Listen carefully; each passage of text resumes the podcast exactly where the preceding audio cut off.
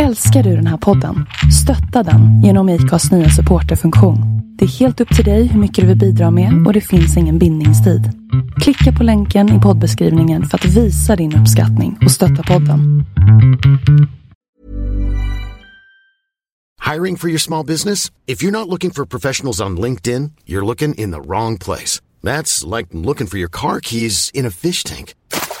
LinkedIn helps you hire professionals you can't find anywhere else, even those who aren't actively searching for a new job but might be open to the perfect role. In a given month, over 70% of LinkedIn users don't even visit other leading job sites. So start looking in the right place. With LinkedIn, you can hire professionals like a professional. Post your free job on linkedin.com slash people today. There's never been a faster or easier way to start your weight loss journey than with PlushCare. PlushCare accepts most insurance plans and gives you online access to board-certified physicians who can prescribe FDA-approved weight loss medications like Wigovi and Zepbound for those who qualify.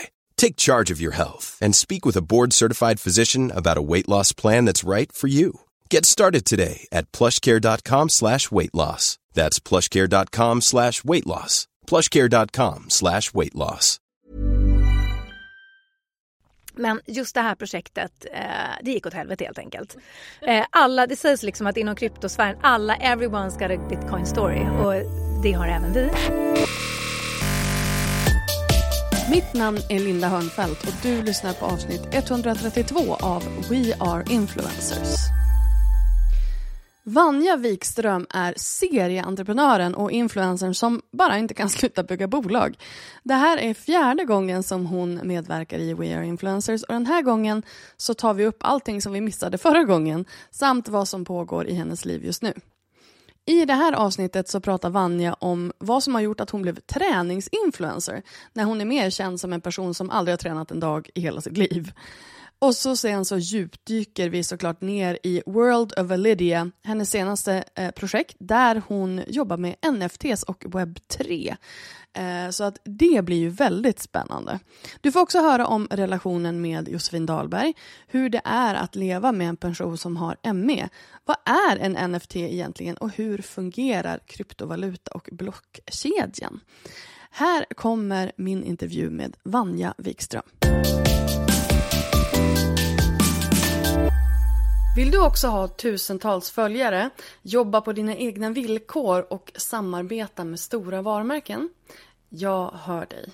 Att vara sin egen chef och att skapa som jobb, det är fantastiskt. Men det är också hårt jobb. Så innan du ger dig in i en tuff bransch med höga krav, ladda ner min gratis nybörjarguide med de sex första stegen till att bli en framgångsrik influencer.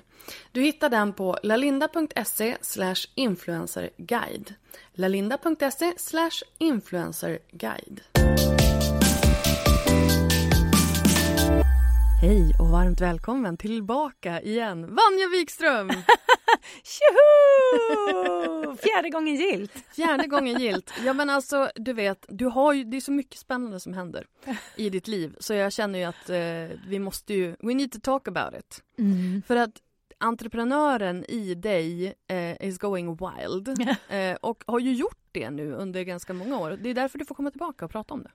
Det, är, det händer alltid någonting nytt i Vanne Wikströms universum. Man Ja, säga. ja, men det är lite så. Det är lite så jag känner inför min, min poddpartner eh, Alexandra Bylund som jag har en podd som heter Vad fan håller jag på med? tillsammans Mm. med. Eh, och hon, hon säger hela tiden och så här, men nu ska vi inte göra någonting nytt, nu ska vi liksom ta hand om det vi har och förfina. Och sen så blir hon uttråkad och då bara, nu ska jag göra det här istället. det är lite så, det är inte riktigt det så, så det känns med dig, men lite så här att har man en entreprenörssjäl så har man. Och då måste man bygga nya saker, då måste man göra nytt.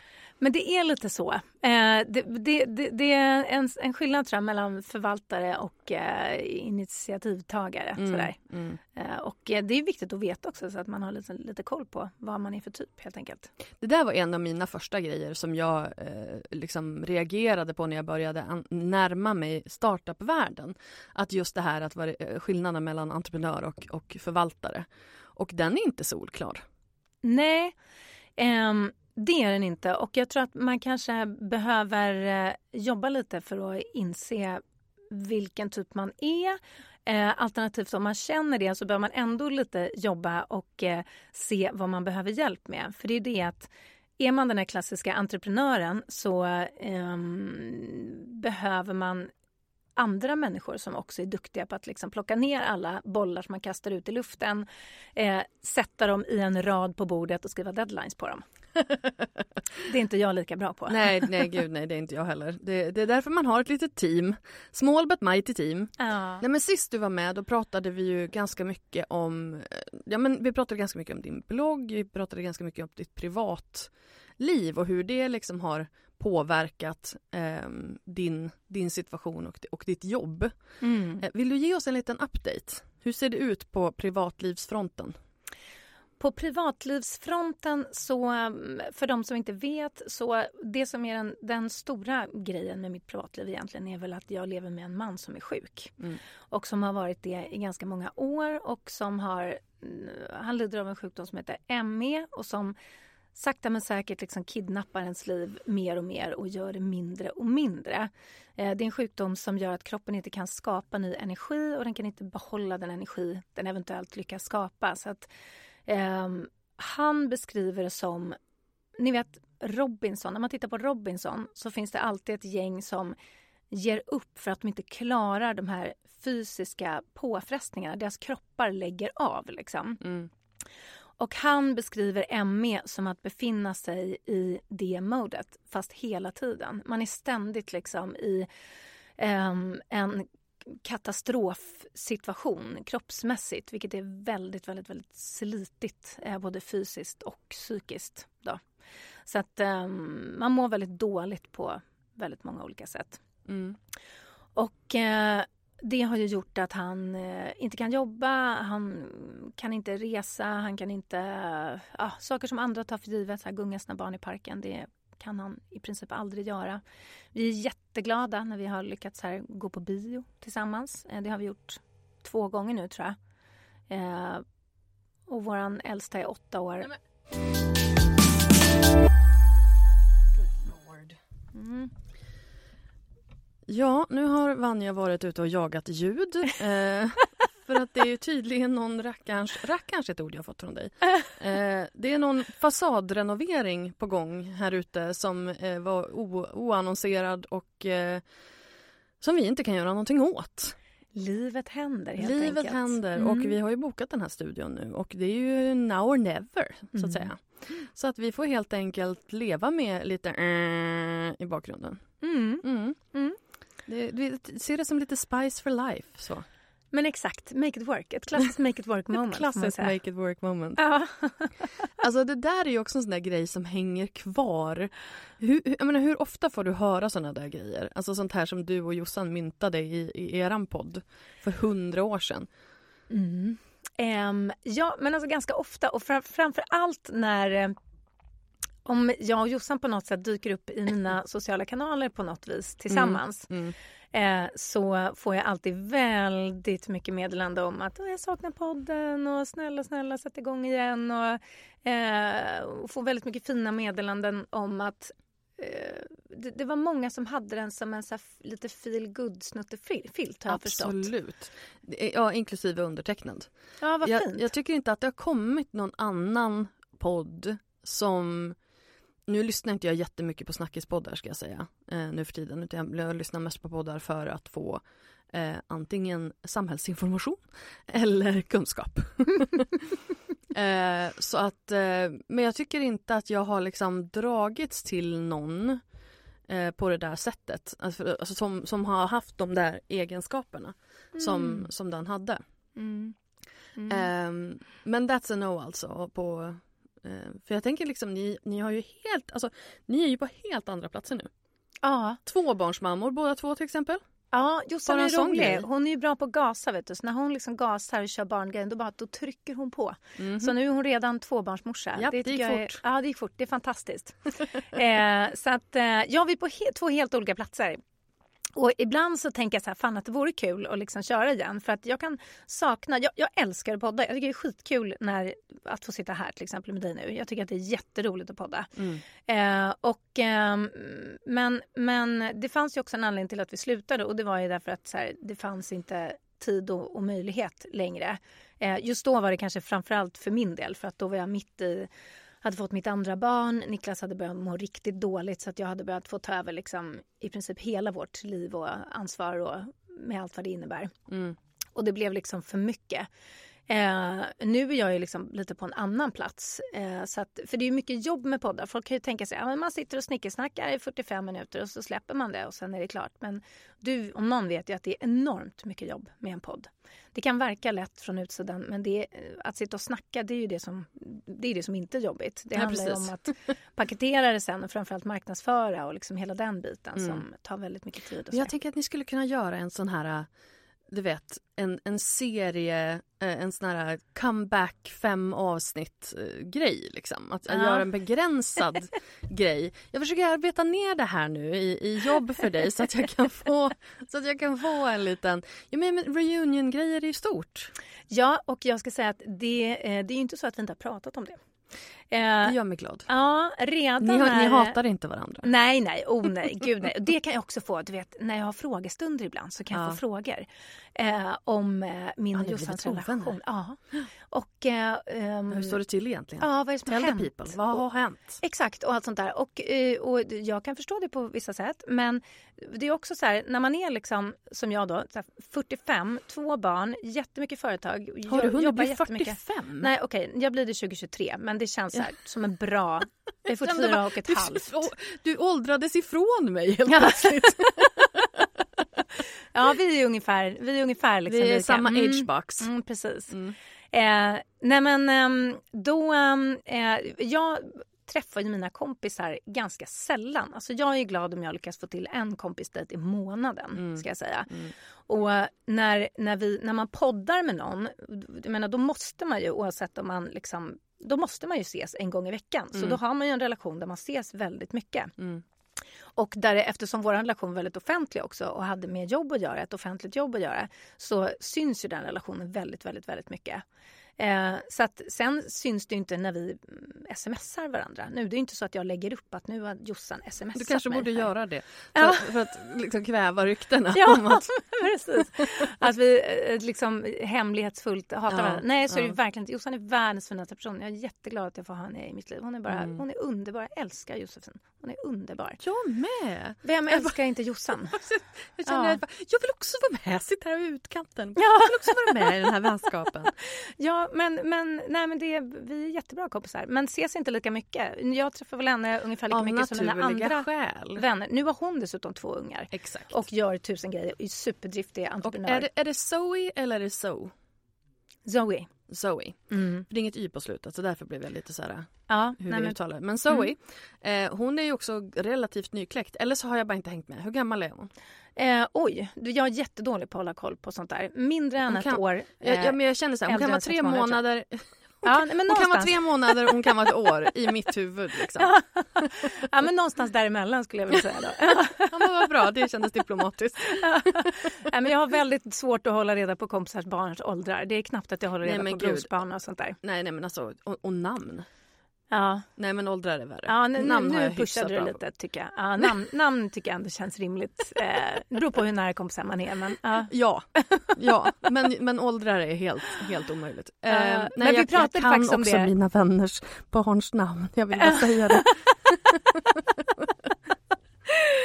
Ja, ja, men det är bra Linda. Men det, det jag skulle säga var i alla fall att när, när Jossan blev hos Mellen första gången, eh, då pratade du faktiskt om det om vi skulle göra någon där, eh, några avsnitt för, för att liksom bara säga, ja men shit nu börjar hon den resan liksom. Mhm. Men sen så blev det inte av och sen så pratade vi igen om vi skulle göra någonting och sen så blev det inte av. Men nu när du tar upp det så, ja men vi kanske ska göra någonting. Ja men så tvåbarnsmorsorna. Ja. Det är liksom så här, Josefin och Vanja, tvåbarnsmorsorna. Mm. Eh, a, special, a special reunion. Ja men precis, kanske Ja. en trestegsraket med tre avsnitt eller något sånt Ja men där. alltså den är inte dum. Nej, nej. Mm. Jag skulle gärna se den i form av eh, dokumentärvideoformat. Oj, ja okej. Nu ska vi filma också. Japp, japp. Oj, oj, oj. Ja. Här höjdes nivån. ja, nu det tar det tio år till innan vi... Nej, men, Då är det så här, kids going off to college. Ja, precis. Det blir den specialen. Exakt. Och sen så, det, det kommer sluta med att vi får till en pensionärsspecial. Så här Mm. blev livet. Ja. Så här. Mm. Den är inte heller dum. Den, Nej. det kommer ju att bli såna. Ja. i våra liksom. Och där, ligger, där har ju vi faktiskt the upper hand på alla de här flunsorna som är lite yngre. Mm. Vi kommer ju vara först mm. dit. Det är faktiskt bra. Ja, mm. Börja planera för det nu. Här kan vi, här kan vi vrida ur cash. Mm. Maxa panschis-tiden, absolut. Ja. Så här går det när man har lite för mycket banter med sina gäster. eh, då, då spårar man ganska snabbt.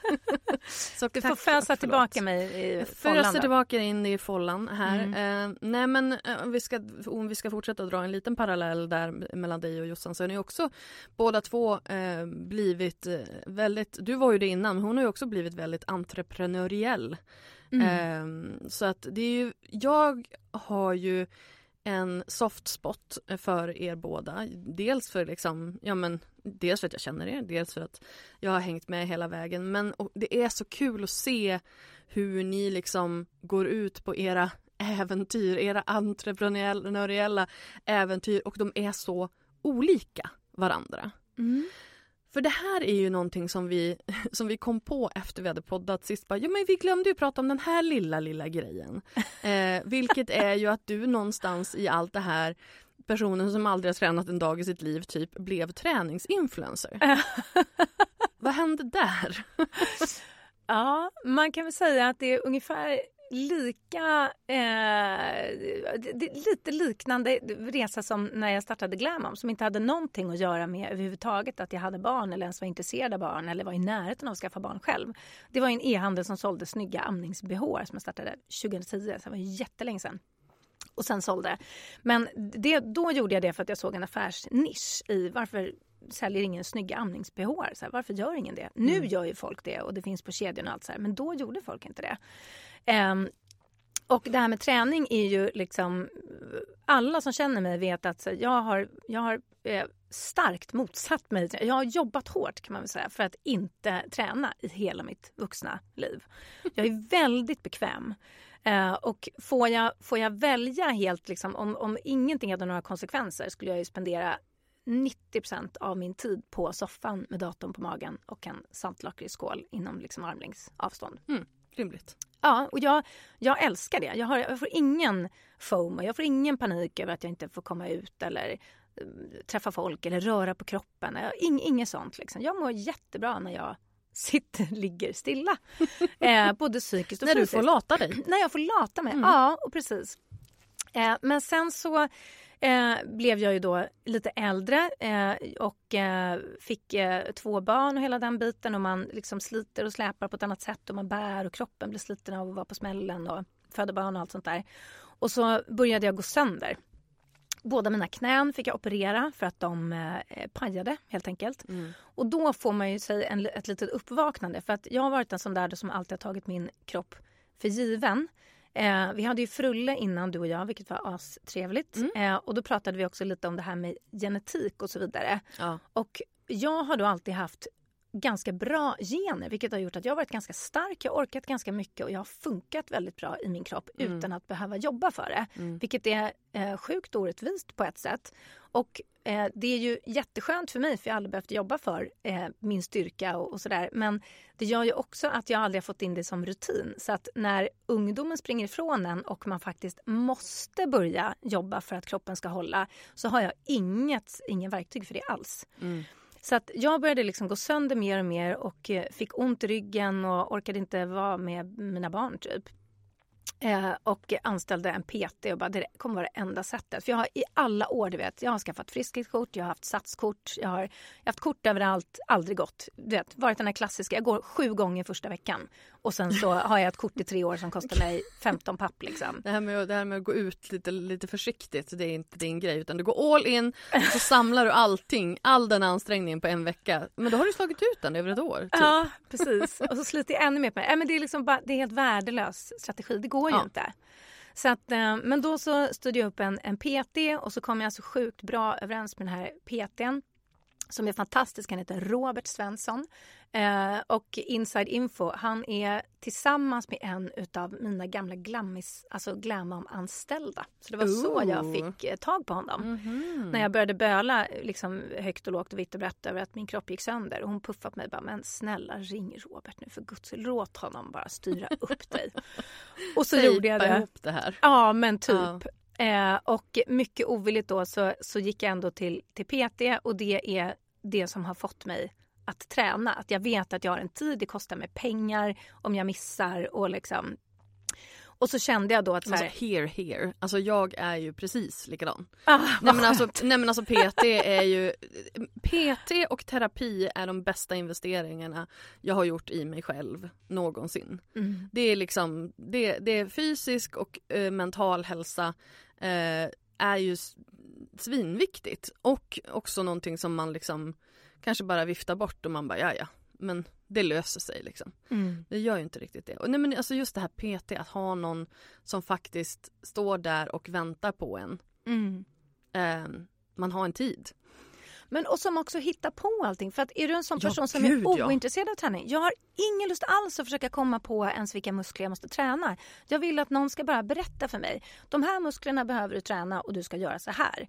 Alltså, eh. jag tycker att det är ganska kul att träna. Speciellt styrketräning tycker jag är ganska roligt. Men jag får ju, när jag kommer dit och så, jag får, jag får typ panik för att jag vet inte hur, alltså jag vet inte hur mycket jag borde göra och mm. i vilken ordning. Vad är bäst? Vad är, mest, vad är det optimala träningspasset för att jag ska känna att okej, okay, men nu har jag gjort så att det räcker.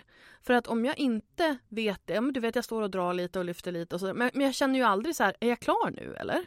Mm. Jag har ingen aning för jag vet inte liksom vad jag borde göra.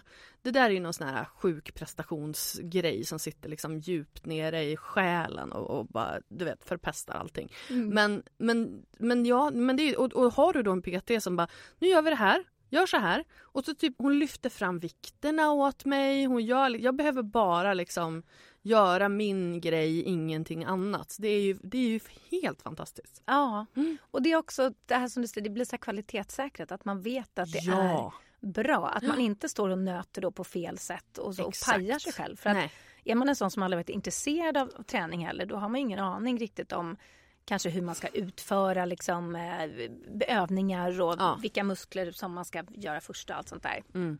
Så det är liksom en viktig grej. Ehm, men jag och Robban då, vi hookade upp som ett träningspar och det första han säger till mig då när han inser att han har fått en influencer på halsen det är så här, jag ska göra dig till träningsprofil och jag skrattar så mycket så att jag gråter och säger nej, nej, nej, nej, nej, nej, det är fel influencer liksom. Jag kommer aldrig bli en träningsprofil. Och sen så, så spolar vi nu några år framåt och eh, då har jag och Robban ett träningsföretag ihop då och jag har ja. ett träningsprogram. Såklart. Såklart. Såklart. För du kunde ju inte missa chansen till en bra affär. Nej, och grejen var ju så här att när vi hade börjat träna så kom också corona. Mm. Och då kom han med idén så här, fan du borde göra ett hemmaträningsprogram för att nu kommer folk inte gå till gymmet. Och då så tänkte jag, ja det är ju ett jättebra eh, initiativ. Mm. Och så tänker jag så här, vad är det för träningsprogram jag vill ha då? Jag vill absolut inte ha någon bikini fitness människa som liksom uh, You can do it, try harder, wow! Look at the abs! Jag bara backar. Ja, men du vet, oh. Utan så här, jag Backa vill in ha, i väggen här borta. Backar in i väggen. Nej, men jag vill ha någonting som bara känns rimligt. Ja. Jag vill ha någonting som eh, man kan göra, liksom, det ska ta max 15 minuter men ändå effektivt. Du ska kunna göra det hemma utan sabla utrustning, utan att vara i någon form, utan att ha någon slags kunskap. Du ska kunna göra det fastän du har liksom någon unge som klättrar på dig och du måste laga middag om 20 minuter. Du vill helst inte svettas också. Ja, men precis. Den är mer ja. lurig. Den är mer lurig. Mm. Man, får, eh, man måste svettas lite. Ja. Mm. Det måste man. Mm, det är det som är problemet. Ja, precis. Men man får köpa en härlig duschkräm så att det är roligt att duscha efteråt. Alltså jag älskar vardagsglädjen kommer in på en gång som, ja. som, som beställd från vänster. Exakt. Ja, ja herregud. Um, men det blev i alla fall så att vi, vi tog fram någonting då som vi döpte till rimlig träning. Rimligt rimligt. Eh, och då är det så här, då är det videoövningar. Vi har spelat in mig hemma eh, hos mig där jag gör massor med övningar. de spelade vi in under två dagar. Jag kan säga att, att göra liksom hundra olika träningsövningar under två dagars tid. Det var... Hade du lite träningsvärk då? Alltså jag var helt förstörd. Jag förstår ja. inte att... Eh, det är klassiskt, klassiskt mig också. Jag bara, vi tar allting på en gång. Det är lika bra. Nu kör vi bara. Mm. Um, och sen har vi satt ihop dem till små 15 minuters program. Så man bara, man har en app och så drar man igång ett 15 minuters program med mig och så härmar man det jag gör mm. och sen är man liksom klar. Ja. Och det är inte svårt och det är inte eh, bökigt och det är liksom lagom jobbigt. Man kommer inte bli en bikini fitness tjej utav de här passen. Men det är heller inte målet. Utan Nej. målet är bara så här, ha någon slags grundstyrka i, så att man pallar med sin vardag. Så att man inte har ont i ryggen. Så man kan bära sina ungar och bära hem matkassarna och få in lite stretch och liksom mm. flex och, och sådär. Så att, men då vill jag ju prata om, eh, alltså, och vad fick du för respons på det här? Ja, alltså Folk jag... bara, nej, nej nu vet jag inte. Hell just froze over. Ja, precis. Man ser korsen i taket, de bara liksom hopar sig. Eh, nej men jag har alltid varit väldigt så, transparent med mina följare. Så att jag eh, var lika transparent som vanligt och sa nu kommer ni tro att jag är helt vansinnig här. Mm. Men eh, jag har startat ett träningskoncept och eh, jag tänker att eh, om jag hatar att träna men ändå vill göra någonting för att behålla någon slags grundstyrka. Mitt mål har alltid varit att så här, jag vill kunna bli 80 och knut, fortfarande knyta skorna själv. Liksom. Mm, mm. Det är mitt mål, inte bikini fitness. Eh, men om det finns andra som är som jag som hatar träning eller bara tycker att det är bökigt att komma iväg till ett gym. Eh, du vet, men ändå vill göra någonting så har jag hittat på en grej som jag tror att kommer få oss alla att må bättre. Mm. Eh, och så Nej, men, och då blev faktiskt responsen jättebra. För att jag är ingen träningsprofil. Jag kommer aldrig bli en träningsprofil. utan så här, Jag är en normal människa men som bara vill må bra för att mm. kunna leva mitt liv så bra jag kan. Eh, och eh, det här konceptet vänder sig ju till de som är som jag. Inte till de som redan har satskort och går fem gånger i veckan och liksom, du vet, har alla eh, vikterna hemma. Och så här. Men de, de, har sitt gäng som, som inspirerar dem. Jag är, I'm not for you liksom. och kommer aldrig bli. Utan jag är för dem som så här, Köp, är likadant som jag. Köper gymkortet men typ aldrig utnyttjar det. Eller bara så här, nej gymkort, vem fan orkar lägga pengar på det eller orkar gå dit? Eller man ska ha tid att gå dit, det ska duschas. Det tar liksom, även om passet är en halvtimme så tar det en eller en och en halv timme att bara göra hela proceduren. Mm. Eh, det finns inte tid, det finns inte ork, det finns inte vilja. Så här, ja, men gör det hemma enkelt 15 minuter med mig då istället. Mm. Och vill man göra mer, men gör två pass efter varandra så gör en halvtimme. Liksom. Mm. Och det det där säger jag ju alltid är så himla viktigt att veta exakt vem det är som är målgruppen. För att mm. då kommer du ju också dra till dig de som faktiskt kommer att kunna eh, dra nytta av det här och inte bikini personerna utan det här är ju, du är väldigt tydlig med vem det är som, ska, som är din kund liksom. Mm. Hur har det gått då? Det har gått jättebra. Vad faktiskt. kul! Ja, och det har gått så bra så att eh, vi, eh, vi, vi har en, en, en app som vi liksom använder. Vi ingår i ett... Eh, man säger att man har en egen kanal. Det är lite som att så här, Youtube är ett paraplyorganisation och så finns det massa olika kanaler på Youtube. Mm. Så finns det en, en app som heter Tweak och så finns det massa olika kanaler på Tweak med massa olika PT som har eh, olika typer av online-träningsprogram. Mm. Och vi har en kanal där som heter Rimlig träning.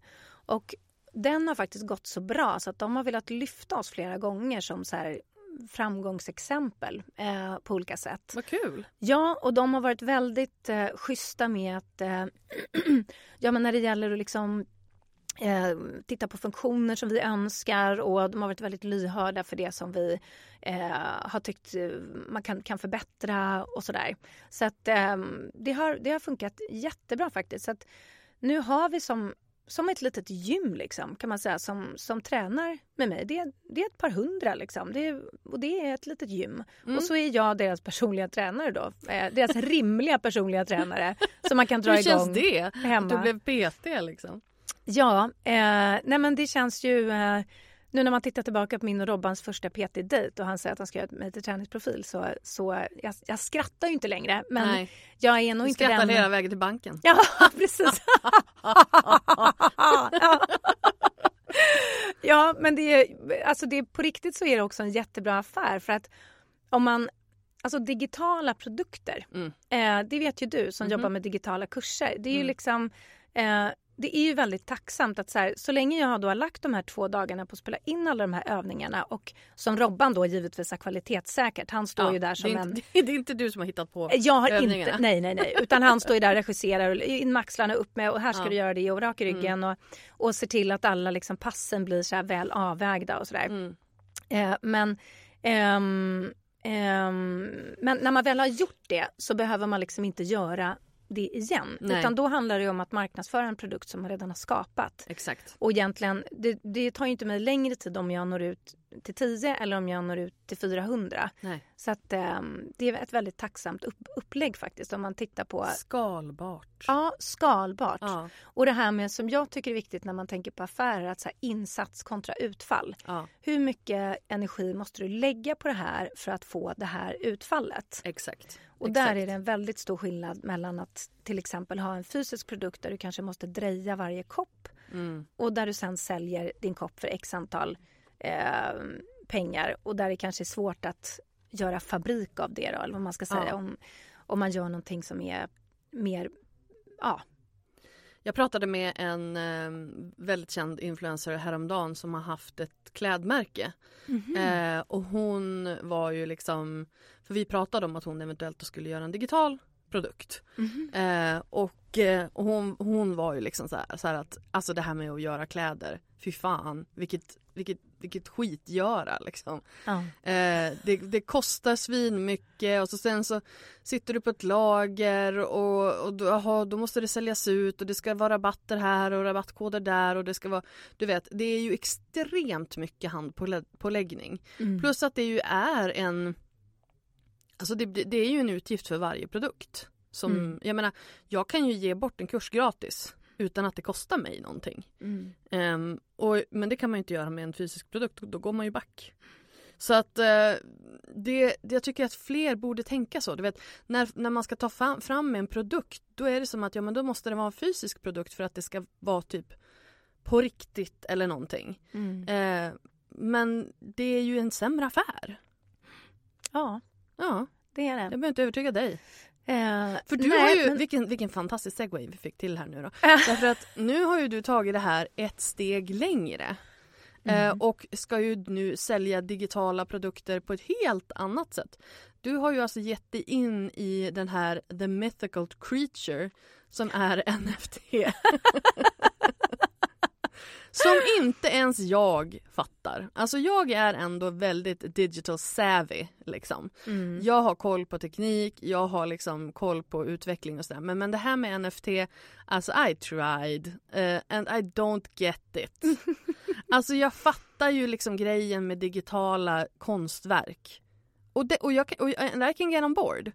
Men jag fattar ju inte ens blockkedjeteknik. Jag förstår inte hur det funkar. Är det typ, kan jag så här det är som att jag har en egen pengapress hemma. Eller liksom, jag, jag, jag, fattar inte. Jag fattar inte. Hjälp. Nej, och jag förstår att man inte fattar för att det finns väldigt lite information att tillgå. Alltså, Okej, men kan vi bara ta det här från början? ja. Va, alltså hur, hur, hur hamnar du i den här världen?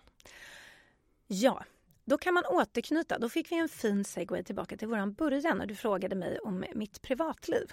Mm. Mm. Och jag började berätta om Niklas. Det går så bra det här. Eh, ja, som mm, ju har mått piss i Mm. ganska många år. Mm. Liksom. Och det har varit väldigt påfrestande för alla i vår familj såklart. Mm. Eh, det, för det, för det, det har att göra med den här sjukdomen. Det, man kan säga att det är det enda som har varit bra med den här pissiga sjukdomen han har.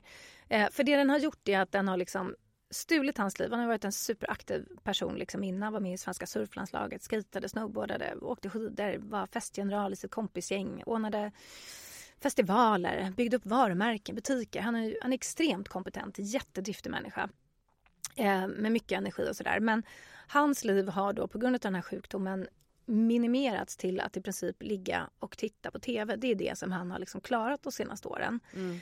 Eh, och eh, efter att ha slukat eh, Netflix, eh, HBO, Viaplay, Disney+, vi- det finns Gått varvet runt liksom. Apple, ja, det finns inga streamingtjänster som vi inte haft och som han inte har liksom tuggat sig igenom.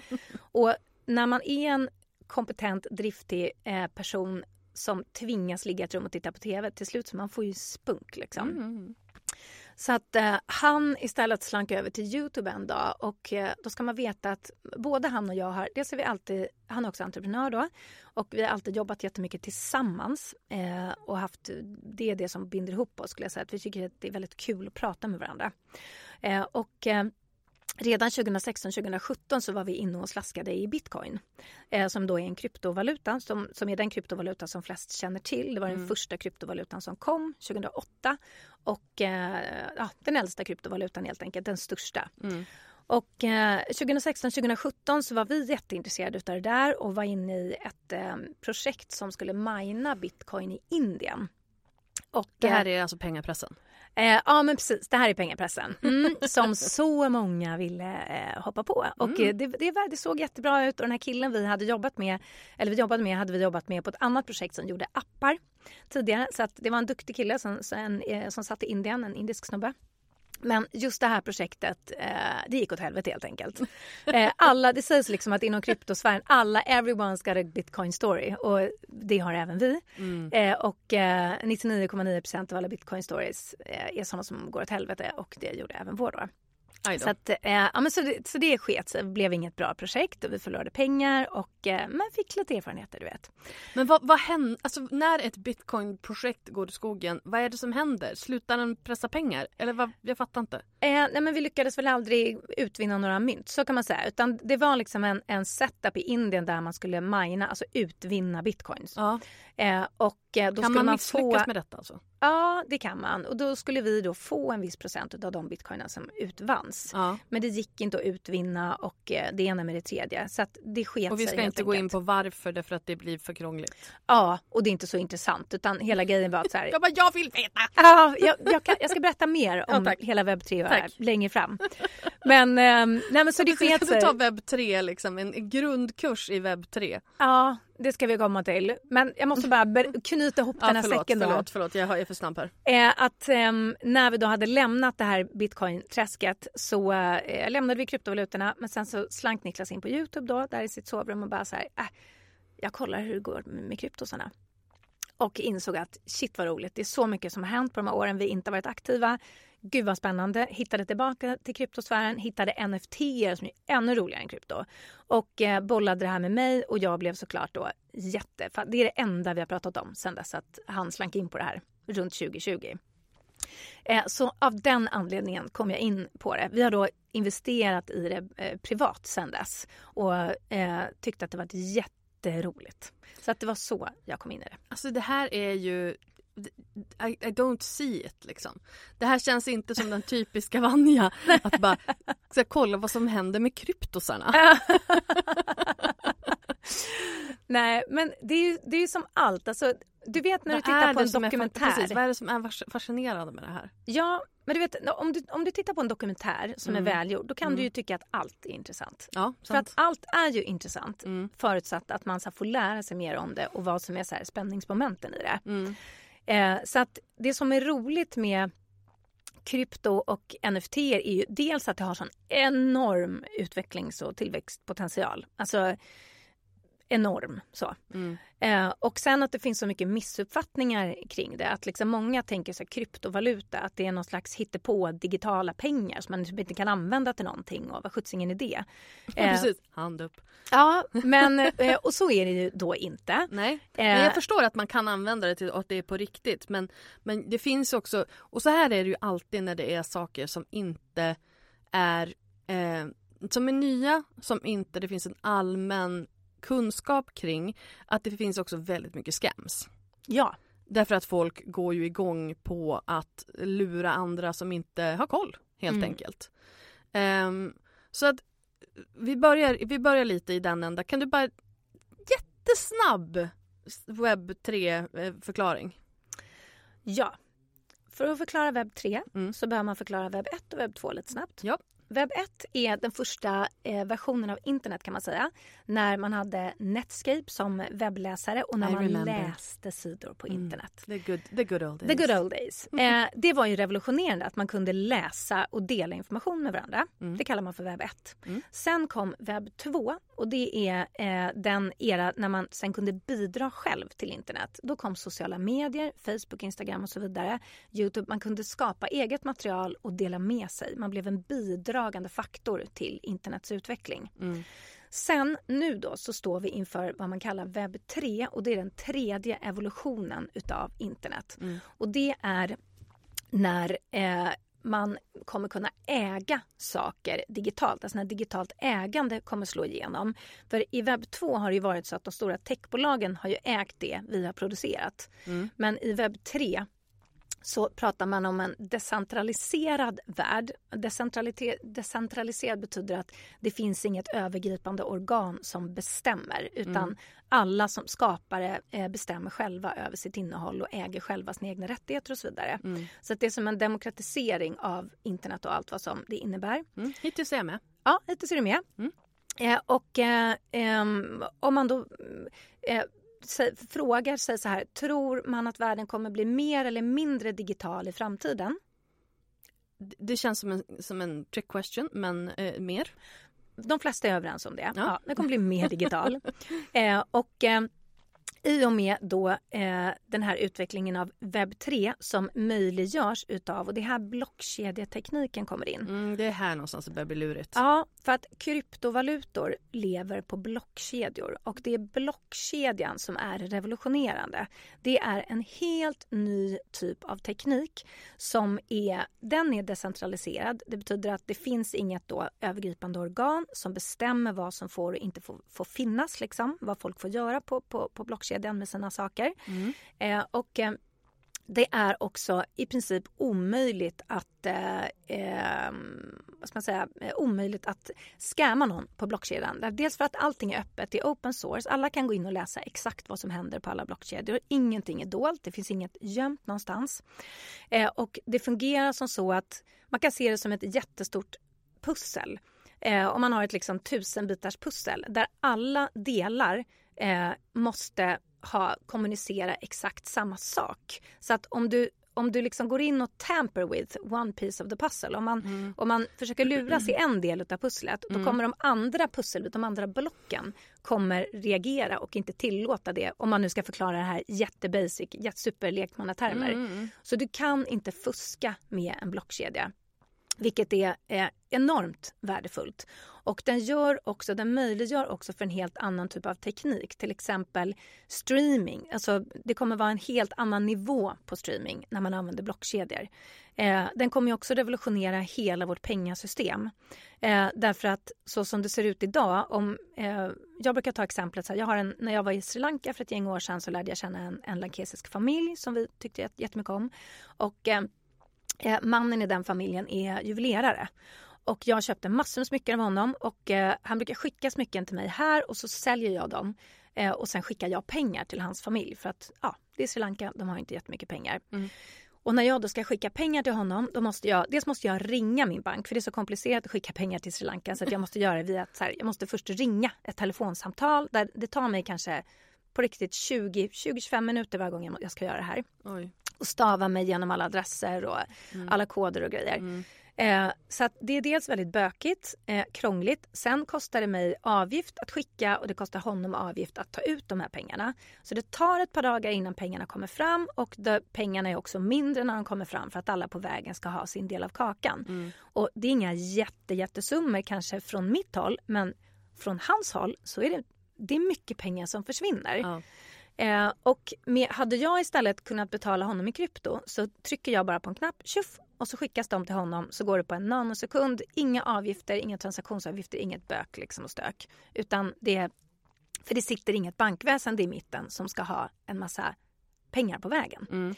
Eh, så att, eh, och det ser man ju också nu i i kriget i Ukraina och, och med Ryssland och så vidare. Eh, att, eh, eh, att kunna ha tillgång till kryptovaluta när rubeln har dykt har ju varit supervärdefullt för att då har du liksom kunnat, det kan inte staten kontrollera, liksom dina tillgångar. Eller vad, vilket annat land är det där de har börjat med bankrån eh, för att få ut sina pengar från, ehm, Mm, och jag läste också det. Uh, och... är det Libanon? Oh, säger jag fel nu? Jag, vet, Jag vågar inte säga, nej, jag men- li, ja, jag, nej, Libyen. Staten har i alla fall bestämt att man får inte ta ut sina egna pengar från banken. De har satt en maxgräns. Exakt. Vilket gör att folk säger, ja men min pappa behöver cancervård, jag måste kunna ta ut Ja. 2000 spänn. Mm. Och så säger de nej och då går de dit och hotar att döda alla på banken för att de Ja. måste få ut sina pengar. Och så blir de sedda som hjältar av folket därför att det är givet att man måste kunna ta ut sina egna sparpengar. Mm. Det är helt vansinnigt. Jag, jag, jag läste någonting om detta på Twitter men jag vågar inte säga vilket land det var. Nej, och det är ju för att det sitter en massa människor och stökar till det på vägen. Mm. Men skulle, återigen, skulle de haft kryptovaluta så bestämmer de över sina pengar själva. Det är decentraliserat. Det finns ingen riksbank eller styrande organ som bestämmer vart, vad du får göra med dina Det pengar. är väldigt anarkistiskt. Ja, eller demokratiskt skulle jag vilja säga. Det är Mm. väldigt, liksom, det är väldigt schysst, ett väldigt schysst system. Mm. Så att eh, många tror ju att det här kommer revolutionera sättet som man eh, betalar saker med eh, och som man har sina tillgångar på. Mm. Och kryptovaluta är då en digital tillgång som man har på en blockkedja. Och eh, även NFT lever då på en blockkedja. Eh, Hur kommer man åt den här blockkedjan? ja, hur menar du då? då? Jo, men alltså, jag vill ha eh, praktiskt. Vilken app startar jag?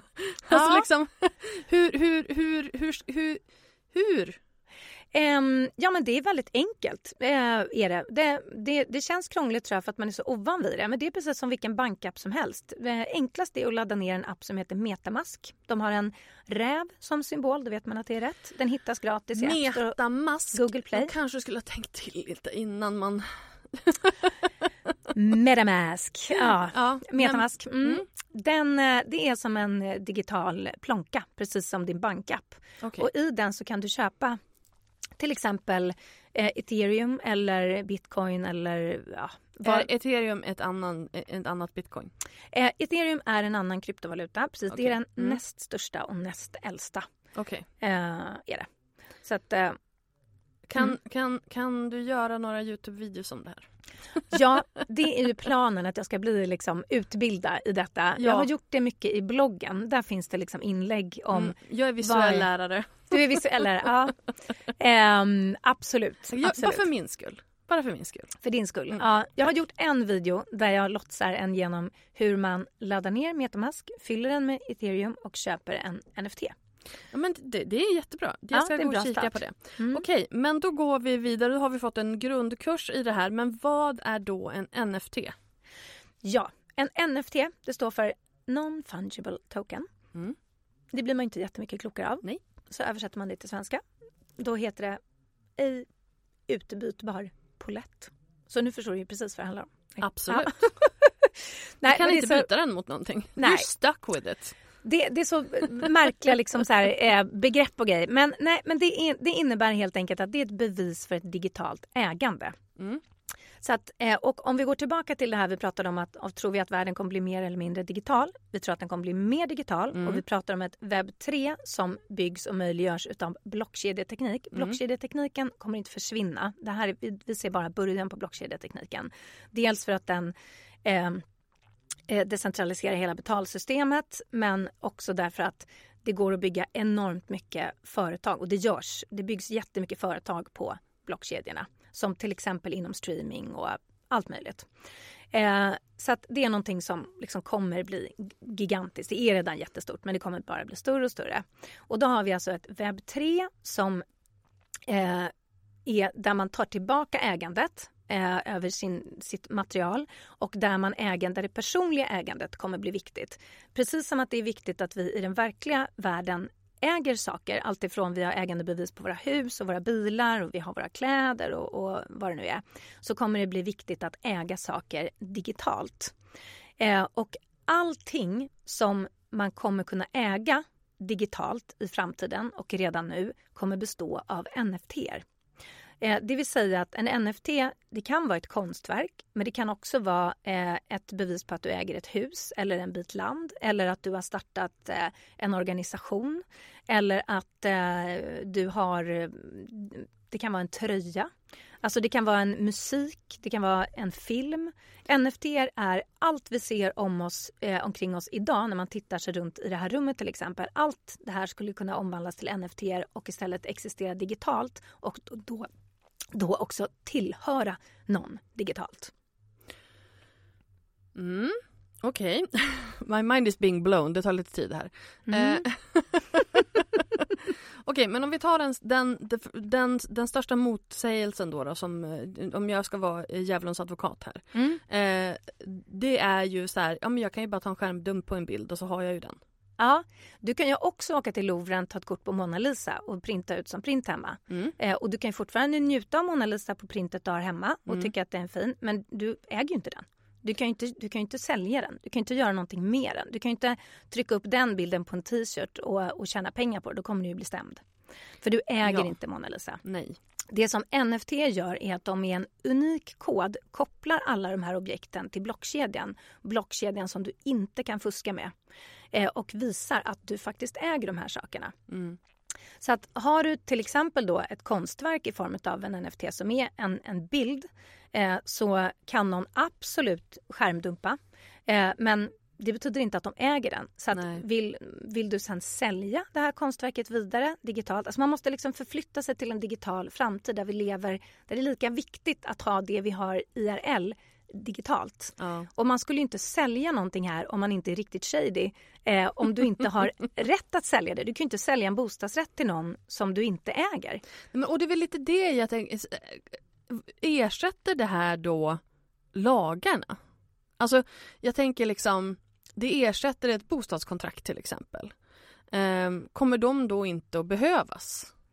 Um, I mångt och mycket så kommer man nog eh, lagra ägande, tror jag, ägandebevis på, på blockkedjan. Och det kommer också göra det mycket säkrare. Mm. Till exempel, man pratar väldigt mycket inom eh, modeindustrin är, är väldigt taggad på eh, blockkedjetekniken därför att eh, det möjliggör ju till exempel dyra saker. Om man ska köpa en Chanel-väska kostar mm. den 80 000 spänn. Mm. Eh, då finns det ju de som ser en möjlighet att tjäna pengar på att sälja en fake Chanel-väska. Ja. Men från och med ganska snart så kommer du, när du köper en Chanel-väska så kommer du också bli erbjuden att köpa NFT till. Mm. Och då är den som ett digitalt ägandebevis på att du äger Chanel-väska 4723 eh, liksom. Mm. Mm. Eh, och den är kopplad till den fysiska produkten. Så att det här kommer, liksom, det kommer slå enormt hårt emot eh, piratkopieringsmarknaden. För att vill du sen köpa, är du intresserad av att köpa en begagnad Chanel-väska då vill du köpa en äkta. Mm. Och då vill du också se NFT. Eh, då vill du också ha NFT med för att då vet du. För du kan alltid du, du, kan förfalska alla möjliga typer av plaketter och kort och du vet hitan mm. och ditan. Men du kan inte förfalska en NFT. Du kan inte eh, fuska dig till det digitala ägarbeviset. Så att allt, alla fysiska saker som också är ihopkopplade med NFT kommer man veta är äkta. Sen kommer det alltid finnas de som inte tycker att det gör någonting att det heter Banell och ser typ likadant ut. eh, för, men det är inte målgruppen. Liksom. Nej, det är inte målgruppen. Eh, så att det blir ett sätt att liksom säkerställa eh, äkthet också inom en massa olika branscher. Okej, jag har ju typ hundra frågor till men vi får ändå gå vidare lite grann här nu för att nu, ja. nu måste vi liksom. Ja. eh, och, och vad är det du, för nu har du liksom gjort en public service här eh, ett bra tag och förklarat för oss vad det här är för någonting och nu börjar det faktiskt, just det här att du säger om ägandet och sälja vidare, där börjar det någonstans här, okej okay, nu typ fattar jag mm. vad jag ska ha det till liksom och vad, vad som är bra för det så.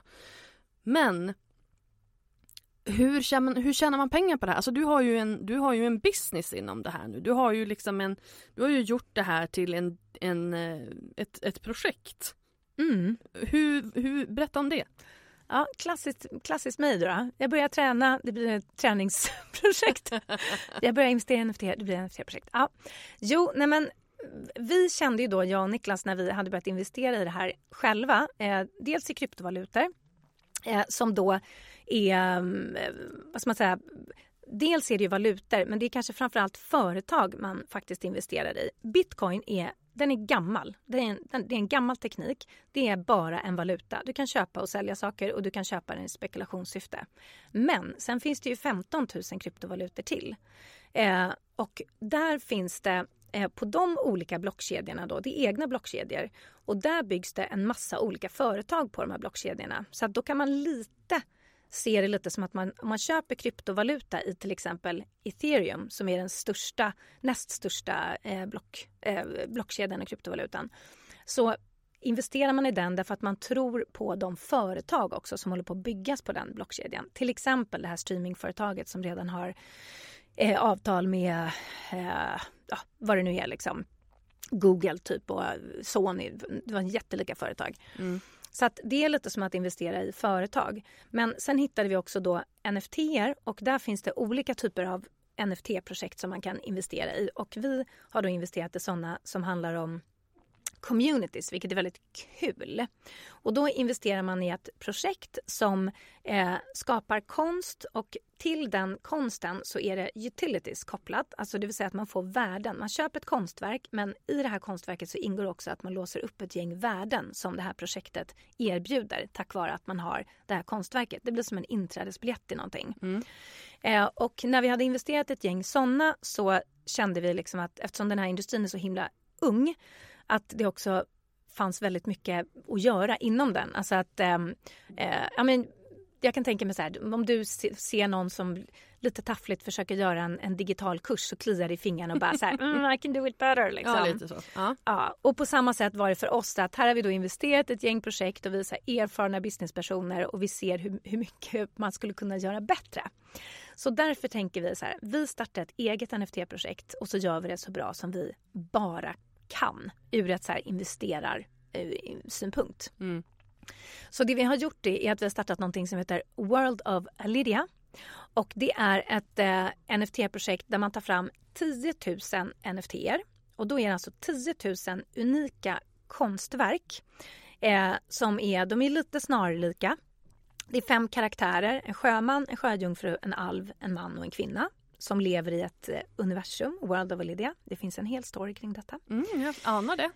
Um, och, um, så att det finns en massa olika sjöjungfrur och massa olika sjömän under de här 10 000 då, som vi har tagit fram, men alla är olika ändå.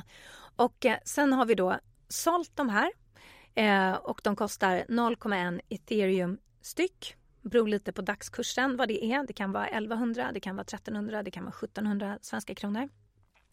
Um, och um, det man får då när man köper en sån här, för då köper man en, ett konstverk. Man köper en, en, en ett konstverk, en bild på till exempel en sjöjungfru. Mm. Och då får man tillgång till de utilities, alltså de värden som vi erbjuder. Mm. Uh, och det vi erbjuder är Eh, för mig har det alltid varit viktigt att här, skapa möjligheter för kvinnor. Jag tycker mm. det är jätteviktigt. Och när vi nu ser då utvecklingen av det som man kallar för webb 3. Så vad är det som händer? Jo men det är som inom de flesta områden och framförallt när det kommer till tech att det är så här 81% snubbar. Mm. Vita medelålders techsnubbar helt ja. enkelt. Som är där, knyter alla kontakter, bygger alla bolag, tjänar alla pengar och sätter alla strukturer mm. för den här nya digitala världen som vi alla kommer att eh, kliva in i förr eller senare.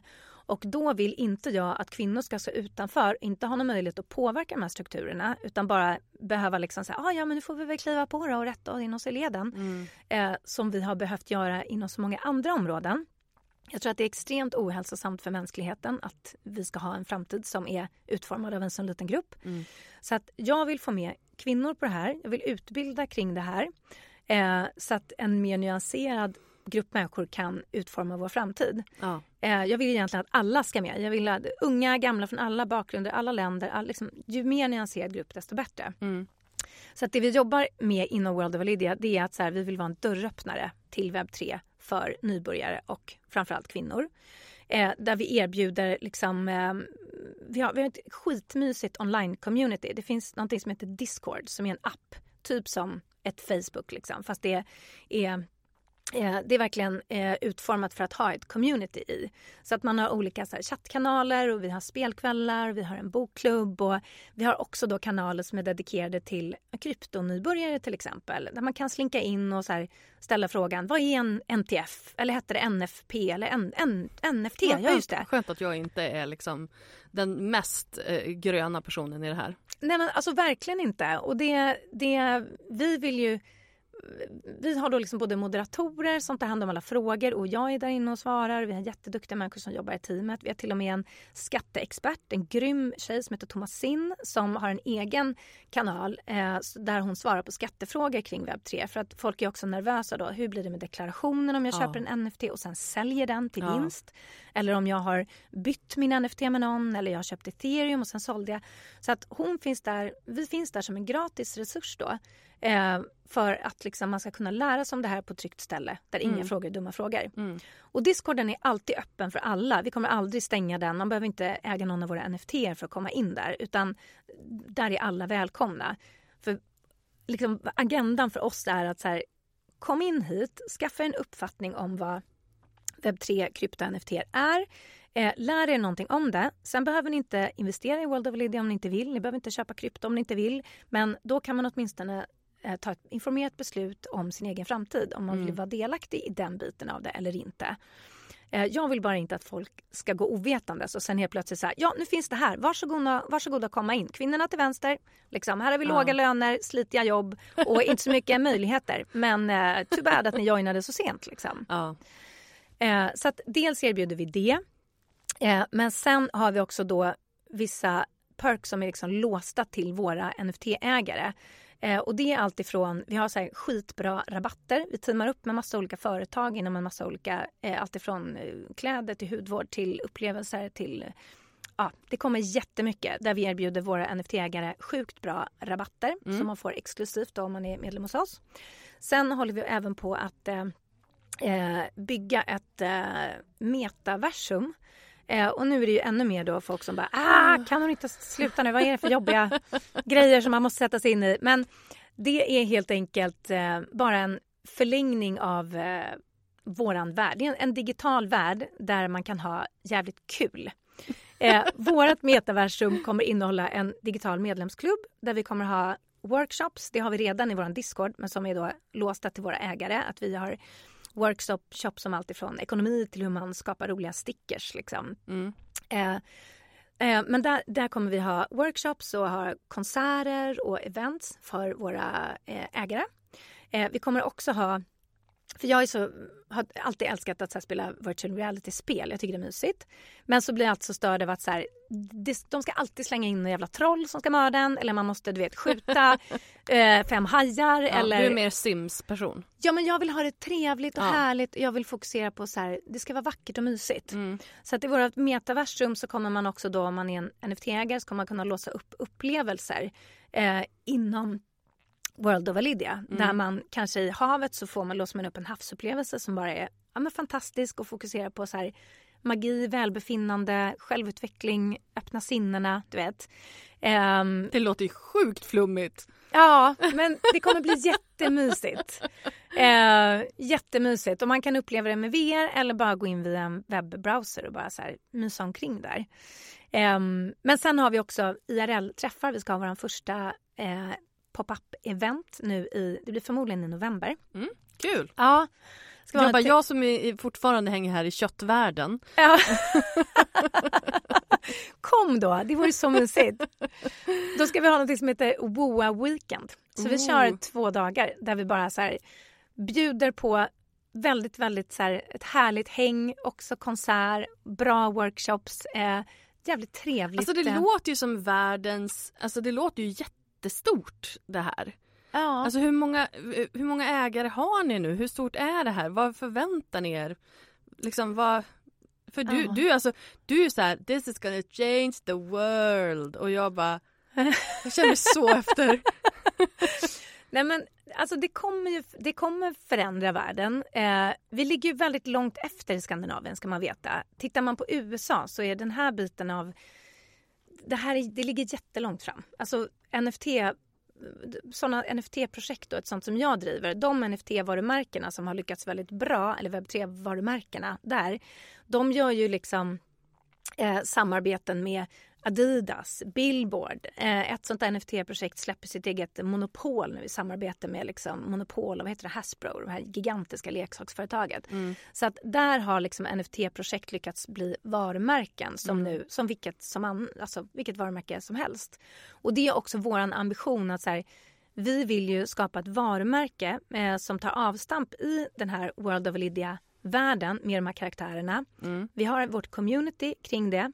Eh, vi har våra NFT men vi vill ju också så här, skapa en film, vi vill skapa böcker, vi vill göra allt möjligt med det här varumärket.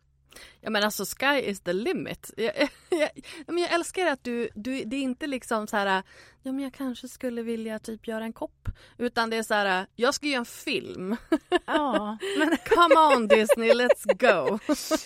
ja, men, men och jag, alltså det är framtiden. Om man tittar på liksom jag tror att vi har väldigt bra chanser att bli ett utav de riktigt stora webb 3-varumärkena därför att vi är så extremt tidiga i Skandinavien. Mm. Eh, och eh, då har vi first movers advantage. Alltså det är viktigt att vara först. Och mm. tittar man på de som var först i USA, eh, de var på intet sätt bäst, men de var först och nu är de störst. Vi mm. är först och vi är jättebra om jag får säga det. För vi har ju liksom haft de här ett och ett halvt åren på oss att öva på andra projekt som har liksom, vad ska man säga, paved the way. Och, eh, så att vi har ju skapat ett projekt som är jättebra, som har en så långsiktig vision, ett bra team, vi gör jättebra grejer, vi skapar värde för våra mm. eh, ägare. Eh, och vi är dessutom först och vi är dessutom så här, kvinnligt ledda, kvinnligt fokuserade. Vi har väldigt mycket USPar. Mm. För du frågade tidigare så här, hur tjänar man pengar på det? Jo, att, att vara med i ett NFT-projekt är jäkligt kul och man vill vara med för att det är ett roligt community och man vill vara med för att det har bra utilities. Det finns ju NFT-projekt som har som utility att man, så här, man får åka på en eh, tre dagars weekend i Italien till ett jättebra pris och hänga med likasinnande eller ja, det mm. finns allt möjligt. Eh, men man kan ju också då men det här är inget jag brukar sälja in utan det här tycker jag är en bonus. Att om NFT-projektet som man då investerar i, vars NFT man då köper, om det sköter sina kort rätt och blir ett populärt projekt, då går värdet på NFT upp. De kan mm. gå upp ska jag säga. Och då kan man sälja dem med förtjänst och tjäna pengar. Lite som, man kan dra en parallell till att man investerar i ett bolag. Man köper aktier i ett bolag som man tycker har ja. en spännande resa framför sig. Bolaget levererar, teamet levererar, aktien går upp och du säljer dina aktier och mm. cashar hem. Det är typ så jag ser på det. Mm. Att man, man investerar och kanske hoppas att det ska vara bra men kanske inte förväntar sig det. Nej, och då är det viktigt också tycker jag att tycka att det är kul på vägen. Att så här, det är därför jag, det första jag säger till folk är inte så här, du kan tjäna pengar på det här. Nej. Utan du ska tycka att det är ett roligt community att vara med i. Du ska tycka att det är kul att göra alla de här grejerna som vi gör mm. och vilja vara en del av det. Och sen eh, är ju mitt mål, alltså absolut. Jag vill ju att folk ska tjäna pengar på oss. Jag vill att de ska få ett monetärt värde av att de har investerat i oss. Så att jag kommer jobba jättehårt för det. Eh, och lyckas vi då bli ett av de här stora projekten som jag hoppas och tror att vi kommer bli eh, så eh, tror jag verkligen att våra NFT kommer gå upp i värde. Och tittar man då, om man gör en parallell till hur det ser ut i USA där sådana här NFT-projekt har kommit mycket, mycket, mycket längre och där gemene man vet vad NFT är, vad webb3 är, vad krypto är. Jättemånga äger krypto. I USA är det jättemånga privatpersoner som äger NFT till exempel. Så Eh, nu stod det till exempel i Forbes om eh, ett privatkapital, riskkapitalbolag som har gått in med 150 miljoner dollar i ett av de här NFT-projekten som var ett av de första. Och den värderingen är då 750 miljoner dollar utav det varumärket, det NFT-varumärket, eller webb3-varumärket då ska man säga. Och tittar man på USAs största projekt, eh, kvinnliga projekt, World of Women, det var det första kvinnliga och det första kvinnligt fokuserade projektet i USA. Så de fick mycket uppmärksamhet på grund av det. Eh, de fick mycket stöttning av liksom amerikanska stora kvinnliga kändisar. Och nu till exempel en som är väldigt investerad i krypto-NFT är Reese Witherspoon. Mm. Och eh, hennes produktionsbolag som till exempel nu har gjort eh, film av Där kräftorna sjunger. Hon är en fantastisk mm, mm. person. Hon har eh, rättigheterna till att göra och håller på att producera en tv-serie om World of Women baserat på deras karaktärer. Då, det här NFT-projektet mm. World of Women. Så att där har hon liksom förstått att det är varumärken som en väldig massa människor Alltså alla som äger eh, en NFT, man känner ett väldigt sam, en väldigt samhörighet med det varumärket mm. och det projektet för att man har investerat i det och man är en del av det communityt. Mm. Det handlar inte bara om att så här, eh, jag köper en Chanel-väska för att jag tycker den är snygg och det är en bra statussymbol. Utan det är så här, jag köper en Chanel-väska för det är en bra investering, jag tycker den är snygg och de har världens roligaste fester, jag får jättebra extravärden, de flyger mig hit och dit så att jag får träffa den och den och jag får eh, roliga gåvor skickade hem till mig och jag får uppleva roliga saker. Mm. Så att det är väldigt roligt att investera i NFT-projekt och de kommer bli stora här också. Sen är det bara sen är det frågan om när. Alltså, det kan dröja två år. Det kan Alltså, dröja... Jag älskar att se hur taggad du är på det här. Alltså, nej men alltså, man, man ser ju hur, hur ditt engagemang bara lyser, vilket är ljuvligt. Eh, vi måste börja avrunda, men om man nu vill vara med i det här, hur gör man?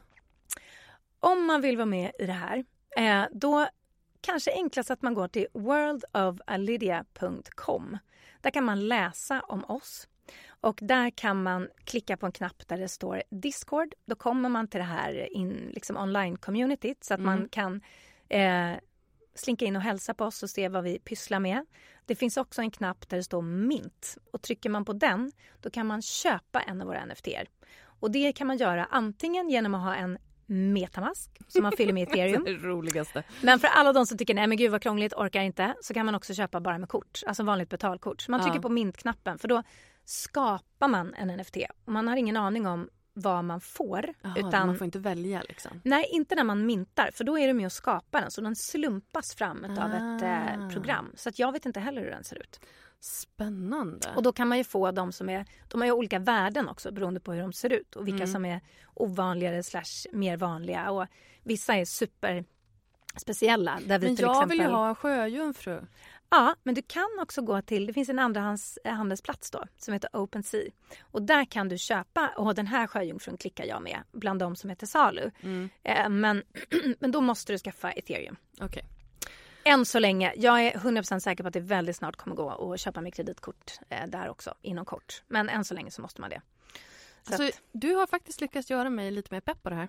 ja, är det så? Ja, faktiskt. Ja. Ja, men jag, kände, jag kände att så här, jag har ingen aning hur det kommer gå. Jag litar på dig, för jag Ah. vet att du är en klok, bra person som inte skulle liksom skamma folk. Eh, och jag tycker att det bara är, även om jag inte fattar så är jag så här, ja men alltså I'm on board. Vi får se, hur, vi får se vad som händer. men det är väl så det funkar att investera? Det, lite så är det ju. Ja. Och vi har liksom, om jag får här, avsluta med en liten story, Mm. så är det, vi har en historia om World of Lydia som jätteenkelt förklarat går ut på att hon var ett litet människobarn som upptäckte en ny värld. Där det bodde alver och sjöjungfrur och sjömän och ja, hon var helt enkelt väldigt modig och hade modet att så här utforska den här nya världen och det här nya universumet. Och eh, gav sig in i det med hull och hår fullt ut. Och för sitt mod så blev hon belönad med att bli eh, drottning över människorna i den världen. Eh, och vi kolo- koloniserar inte utan sjö- sjöfolket har en egen drottning, alverna har en egen drottning och så vidare. Men, eh, och då drar vi en parallell till de som är med oss på World of Lydia-tåget. Att så här, de, framförallt kvinnor då, men män är jättevälkomna. Vi har snubbar också i vårt projekt. Eh, men de som... Det är inte målgruppen. Nej, men de har sina egna plattformar och projekt. och så här. De men behöver alltså, jag, inga nej, fler. jag är med dig. Men så att de som liksom är med oss och går med oss i det här och är modiga nog att utforska och ge sig in i webb 3 och ge det en chans är jag ju tusen procent övertygad om att de också kommer bli belönade för sitt mod på en massa olika sätt i framtiden. Att de vågar liksom doppa tårna i det här redan nu. För du ska veta att det här, den här okunskapen som du och alla andra sitter på det innebär ju också att alla, vi är extremt tidiga och att vara med i någonting extremt tidigt det är ovärderligt. Mm. Tänk de som sålde sina Apple-aktier typ så här 97. Ja. Ja. Precis. Nej, men så att, eh, våga åtminstone bara nosa på det. Sen Mm. behöver ni inte köpa mitt projekt. Det är inte det egentligen som jag brinner för. Utan jag brinner bara för att folk ska, kvinnor ska få skaffa sig kunskap kring det här. Tack snälla Vanja för din public service idag. och för att du hängde med mig här en stund igen. Det var jättefint. Tack snälla Linda. Känner mig som en kryptomamma. Som små kryptokycklingar. Som, jag lär, lär dem flyga. Fluff, fluff, fluff. Kom här, flyg. Hans kan inte flyga. Rackars. Dålig, vad heter det? Metafor. Ja. Tyckte du om det här avsnittet? Då får du hemskt gärna dela det på Instagram och tagga mig att lalinde och hashtag weareinfluencers. Vill du ha hjälp med att utveckla din egen influencer business? Gå till lalinda.se influencer för mer information om hur jag kan hjälpa dig utveckla dina sociala kanaler. Tack för att du har lyssnat på det här avsnittet. Vi hörs nästa gång. Ha det bra. Hej då.